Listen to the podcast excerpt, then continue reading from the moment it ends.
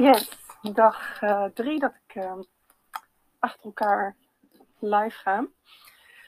Uh, ik loop een ander rondje dit keer. En ik wil die vandaag even meenemen in iets wat ik toch heel vaak hoor. Dat is namelijk hè, de opmerking sinds, nou, vul in. Sinds dat moment heb ik altijd last van mijn rug. Heb ik altijd pijn. Sinds dat moment dat is nooit meer overgegaan. En wat dat moment is, dat uh, verschilt per persoon.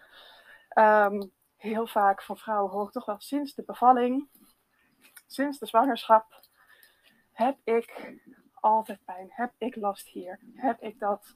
Sinds de zwangerschap ben ik nooit meer de oude geweest. En um, ik ontken niet dat wat, je, hè, wat er uh, gebeurd is, dat dat niet, um, dat het geen oorzaak is geweest. Maar er is zeg maar een oor, verschil tussen de oorzaak en de aanleiding. En die wil ik eventjes uitleggen. Want ja, hè, een uh, zwangerschap en een bevalling zijn gewoon super heftig voor het lichaam. En of die nou in het ziekenhuis uh, plaatsvinden of lekker thuis, uh, met medicatie, zonder medicatie, uh, met ingrepen, zonder ingrepen, maakt niet uit. Een bevalling is hoe dan ook heftig voor het lichaam. Op het moment dat jij namelijk zwanger bent, vanaf um, week 10, heb jij namelijk al um, op het hoogste niveau relaxine in je lichaam. Het hormoon relaxine. En dat maakt je hele lichaam week. En niet alleen het bekken, het maakt alle, alle gewrichten week. En dat is dus al in de tiende week, is dat al op de top van het niveau. Op top level. En dat top level, dat behoudt het tot na de bevalling. Dus het is niet zo dat uh, je gedurende de zwangerschap steeds weker wordt. Nee, je bent echt vanaf vrijwel het begin, nog voor het eind van het eerste trimester, ben jij echt zo week als een kwalletje. En dat heb je dan niet door. Veel vrouwen weten dan pas net dat ze zwanger zijn überhaupt. Nou, dat eventjes gezegd hebben. Um, relaxine blijft nog gemiddeld drie maanden. Bij de ene vrouw is het twee maanden, de andere vrouw is het zes maanden. Maar gemiddeld drie maanden tot na de bevalling blijft dat relaxine niveau hoog. Dus dat is ook de reden dat je niet direct weer terug moet gaan sporten na de bevalling. Je bent gewoon nog niet zo sterk. Nou, wat gebeurt er nou verder? Tijdens zo'n zwangerschap en bevalling, je hele lichaam past zich aan. En is dat blijvend? Ik had het er uh, vorige week met een klant over gezegd. Ja, is het nou blijvend dat mijn bekken breder is geworden? Um, ja, dat kan. Ja, dat, dat is heel goed mogelijk. En um, ja, in hoeverre dat, uh, dat waar is, zou ik niet weten. Um, maar ja, het is heel goed mogelijk dat het, dat het lichaam verandert en niet meer teruggaat naar de oude staat. Is ook niet erg. Maar hè, het is dus ons dat zegt van ja, maar ik moet wel weer uh, hè, in die kleding passen. Wat dus maakt dat we dus te snel weer gaan sporten en dingen gaan doen. Nou, dat eventjes terzijde. Want zo'n bevalling, dat is nogal wat. Er kan een hele hoop misgaan. En dan heb ik het niet over dat je medisch wordt en weet ik wat allemaal.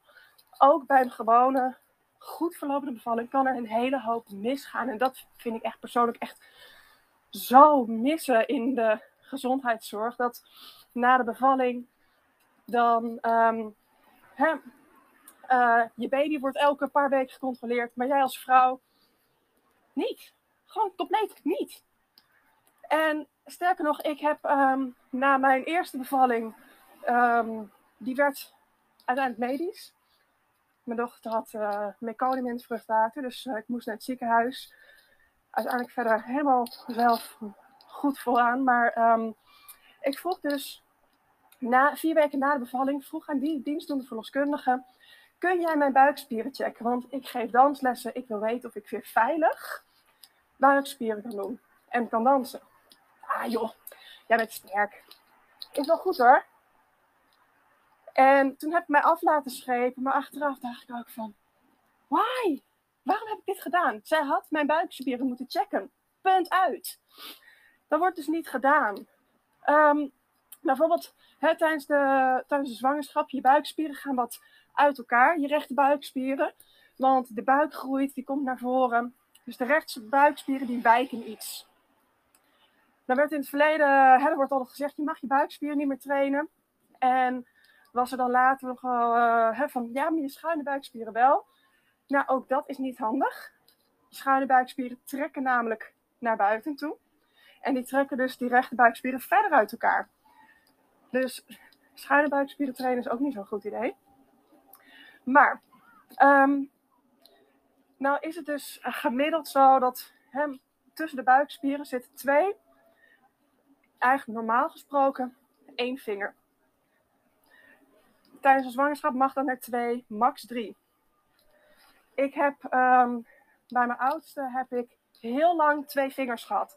En dat is niet ernstig. Dat is geen hele heftige diastasis recti, zoals dat heet. Maar dat is wel een oorzaak van heel veel rugklachten. Dat de buikspieren uit elkaar zijn en dus niet goed kunnen ondersteunen. Want op het moment dat die rechte buikspieren uit elkaar zijn, dat betekent ook dat die diepste buikspier zijn werk niet goed doet. En dat is zeg maar eventjes een hele lange intro. Maar waar ik dus naartoe wilde van op het moment dat je dat niet doorhebt, en daar hoef je niet direct klachten van te krijgen, daar hoef je niet direct um, zorgen om te maken. Maar dat zijn wel van die dingen die dus bijvoorbeeld door een zwangerschap en een, uh, een bevalling kunnen gebeuren. Bij een bevalling kan ook heel makkelijk je stuitje uh, scheef gaan staan. Kan ook rugpijn veroorzaken en dat heb je niet door. Je stuitje kan sterker nog, je kan al van een uh, simpel stoepje verkeerd afstappen. Kan je stuitje scheef gaan staan. Kan je SI-gewricht scheef gaan staan. Je hebt het niet door. Totdat er ergens, um, ergens dus die balans nog wat meer verstoord wordt. En je dan dus um, ja, uh, pijn krijgt. En op het moment dat daar dus niet voor op ingegrepen wordt, op het moment dat je daar dus niet um, dat, dat uh, de therapeut niet denkt van hé, hey, wacht even, um, uh, dit kan te herleiden zijn naar, naar de zwangerschap naar de bevalling, dan blijf je daarmee rondlopen. En dan wordt het zoiets van, ja, sinds mijn zwangerschap heb ik, ja, soms gebeurt er iets, hè, en um, in die zin een ongeluk. Dat had jij niet, daar heb je niks aan kunnen doen. En um, hè, bijvoorbeeld ingrijpen bij een bevalling, waardoor er iets gebeurd is, kun jij fysiek niks aan doen. Maar heel vaak is het wel zo dat op het moment dat jij dus door de zwangerschap en bevalling pijnklachten krijgt, die blijvend zijn, dan is het niet zozeer te wijten aan de zwangerschap of aan de bevalling, maar dan is het te wijten, dus zoals ik wat zei, van, de, oorzaak van je pijn is dan misschien wel de zwangerschap, de bevalling. Maar de aanleiding staat daar nog voor. Jij hebt waarschijnlijk je hele leven. Wacht je af tot de trein weg is.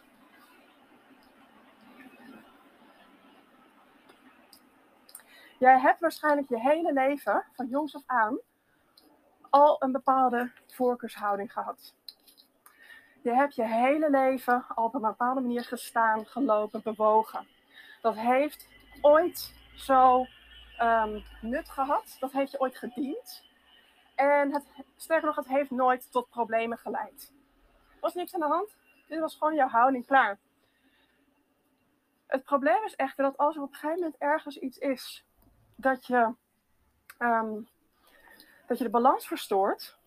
En de balans, dat kan dus inderdaad gewoon een simpele misstap zijn. Het kan, uh, nou, het kan ook um, zijn dus inderdaad een zwangerschap of een bevalling, waarin opeens de balans in het lichaam verandert. En dan, patsboom, het lichaam kan het niet meer aan. Het lichaam heeft het hele leven kunnen compenseren. Het lichaam heeft je de hele tijd zich aan kunnen passen om ervoor te zorgen dat je dus geen last zou krijgen. Tot op zekere hoogte, waarop het lichaam zei, ja, en nou wordt het me te veel nu kan, nu kan ik dit niet meer aan. En dat is het moment, dus hè, gisteren had ik over pijn die door je lichaam heen kan lopen. En dat is dus op het, punt waarop het lichaam zegt ja, genoeg nu. En dan stort zeg maar jouw compensatiegedrag stort in. Laat ik even dit zeggen. We zijn allemaal scheef. De anatomisch rechte mens, zoals we die mooi zien in plaatjes, die bestaat niet. Heeft nooit bestaan en zal ook nooit bestaan. Want ons brein heeft gewoon invloed in hoe wij bewegen, hoe wij staan. Ehm, maar eens even weer terugkomend van, hey, je hebt dus je hebt jouw houding, je hebt jouw voorkeur. En dat gaat dus goed tot een bepaald moment. En dan kijken we graag naar dat wat pijn doet. We kijken graag naar van hé, hey, waar is het probleem begonnen? Ja, als ik naar mezelf kijk, ja, mijn klachten, ja, die begonnen in, um, in mijn eerste zwangerschap. Heb ik echt vier, vijf jaar daarmee doorgelopen. Maar feitelijk gezien was dat niet het begin. Als ik terugkijk, ik hou even mijn mond.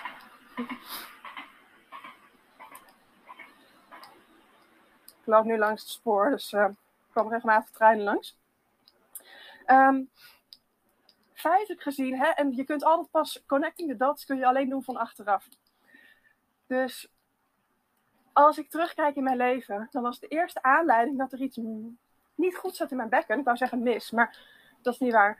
Um, hè, dat, het, dat, mijn, dat er iets, een aanleiding zou zijn in mijn bekken, was toen ik 13 was. En tijdens een gymles, een, um, niet zo'n leuke gymdocent trouwens. Hij zei op een nogal vreemde en botte manier, zei hij gewoon midden in de les, goh Anne Roos, um, heb jij een heupoperatie gehad? Nee, hoezo? Ik werd even gepauzeerd. Um, die heb ik ook meteen weer overboord gegooid. Ik dacht, nou ja, jij bent een rare, dus laat maar zitten. Nooit meer aan gedacht. En voor de rest nooit iets over gehoord. Hè? Ik uh, kwam met knieklachten bij de fysio toen ik 18 was. Ik heb zes jaar heb ik dansopleiding gedaan. Twee jaar vooropleiding, vier jaar HBO dansopleiding. Ik heb vier jaar lang dagelijks minimaal drie dansdocenten gehad die mij hebben kunnen zien bewegen. Ik heb nooit gehoord iets over, maar over mijn bekken. Totdat ik in het derde of vierde jaar hadden we een workshop van een danser. En die deed een martial arts spelletje met ons. Je moest tegenover elkaar staan. En het enige wat je mocht doen, was met jouw hand tegen de ander haar heupbot duwen. En diegene uit balans brengen. En toen zei mijn beste vriendinnetje, ze zei, ja, hallo, ik pak altijd jouw linkerkant, want die staat toch al scheef.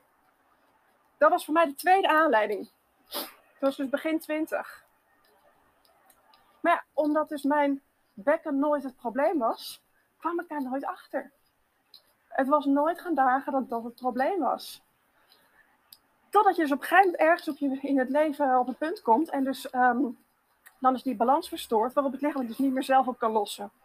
En dan krijg je pijn. Dus als jij worstelt, als jij um, zit met een pijn die al echt al jaren duurt, die, um, die je hebt waar je niet vanaf komt, wat echt, um, waar je door andere therapieën gewoon alleen maar slechts kortdurende verlichting van krijgt, dan wil ik je vragen, ga terugkijken. Ga terugkijken gedurende je leven, welke signalen heb je ooit gehad die aanleiding kunnen geven tot jouw probleem nu? En dat is eventjes, dus hè, dit is even iets van, er is iets gebeurd van, je bent een keer gevallen, je bent een keer zwanger geworden en um, sindsdien heb je pijn. Ik heb het nu niet over bijvoorbeeld een verkeersongeval. Dat is echt iets acuuts waar hè, waar wellicht inderdaad dit, deze theorie ook voor opgaat, maar minder. Hè, hoe jij uh, in een verkeersongeval uh, terechtkomt, uh, is even niet aan de orde met jouw um, houdingsvoorkeuren. Maar dus ga eens terugkijken. Welke signalen heb je ooit gehad? Wat heeft iemand ooit tegen je gezegd? Wat is er ooit gebeurd dat je denkt, ja, verrek, ja. En niet van terugdenken van hé, hey, daar begon het. Daar begon de pijn. Nee. Ga terugkijken van wat zijn de signalen die je gehad hebt. Die toen geen probleem waren. Maar waar je uiteindelijk jaren later wel last ging krijgen. Of wat last ging veroorzaken. Hè? Want um, een scheefstand in het bekken hoeft geen pijn in het bekken te veroorzaken. Hè? Scheefstand in het bekken kan 9 van 10 keer juist rugklachten veroorzaken of knieklachten. Dus ga er eens naar terug. Connecting the dots. Terugkijken. Heeft iemand ooit iets gezegd? Is er iets wat ik altijd heb gedaan? Stond je als kind altijd op één been? Zo lekker hangend in die heup. Um, noem het maar op. En ik heb het hier ook nu even niet over aangeboren afwijkingen. Ehm, als je echt een aangeboren afwijking hebt, uiteraard heb jij dan een behoorlijke scheefstand in je houding. Hou hem op.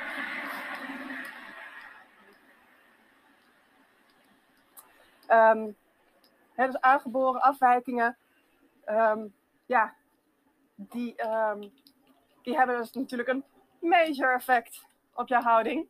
En dat hoeft in eerste instantie ook geen pijn te veroorzaken, maar kan uiteindelijk wel een, een oorzaak zijn. Maar ja, daar heb jij daarvoor niks aan kunnen doen. Ehm, om nog even mijn verhaal af te sluiten, wat, wat moet je hier dan uiteindelijk mee? Begrijpen.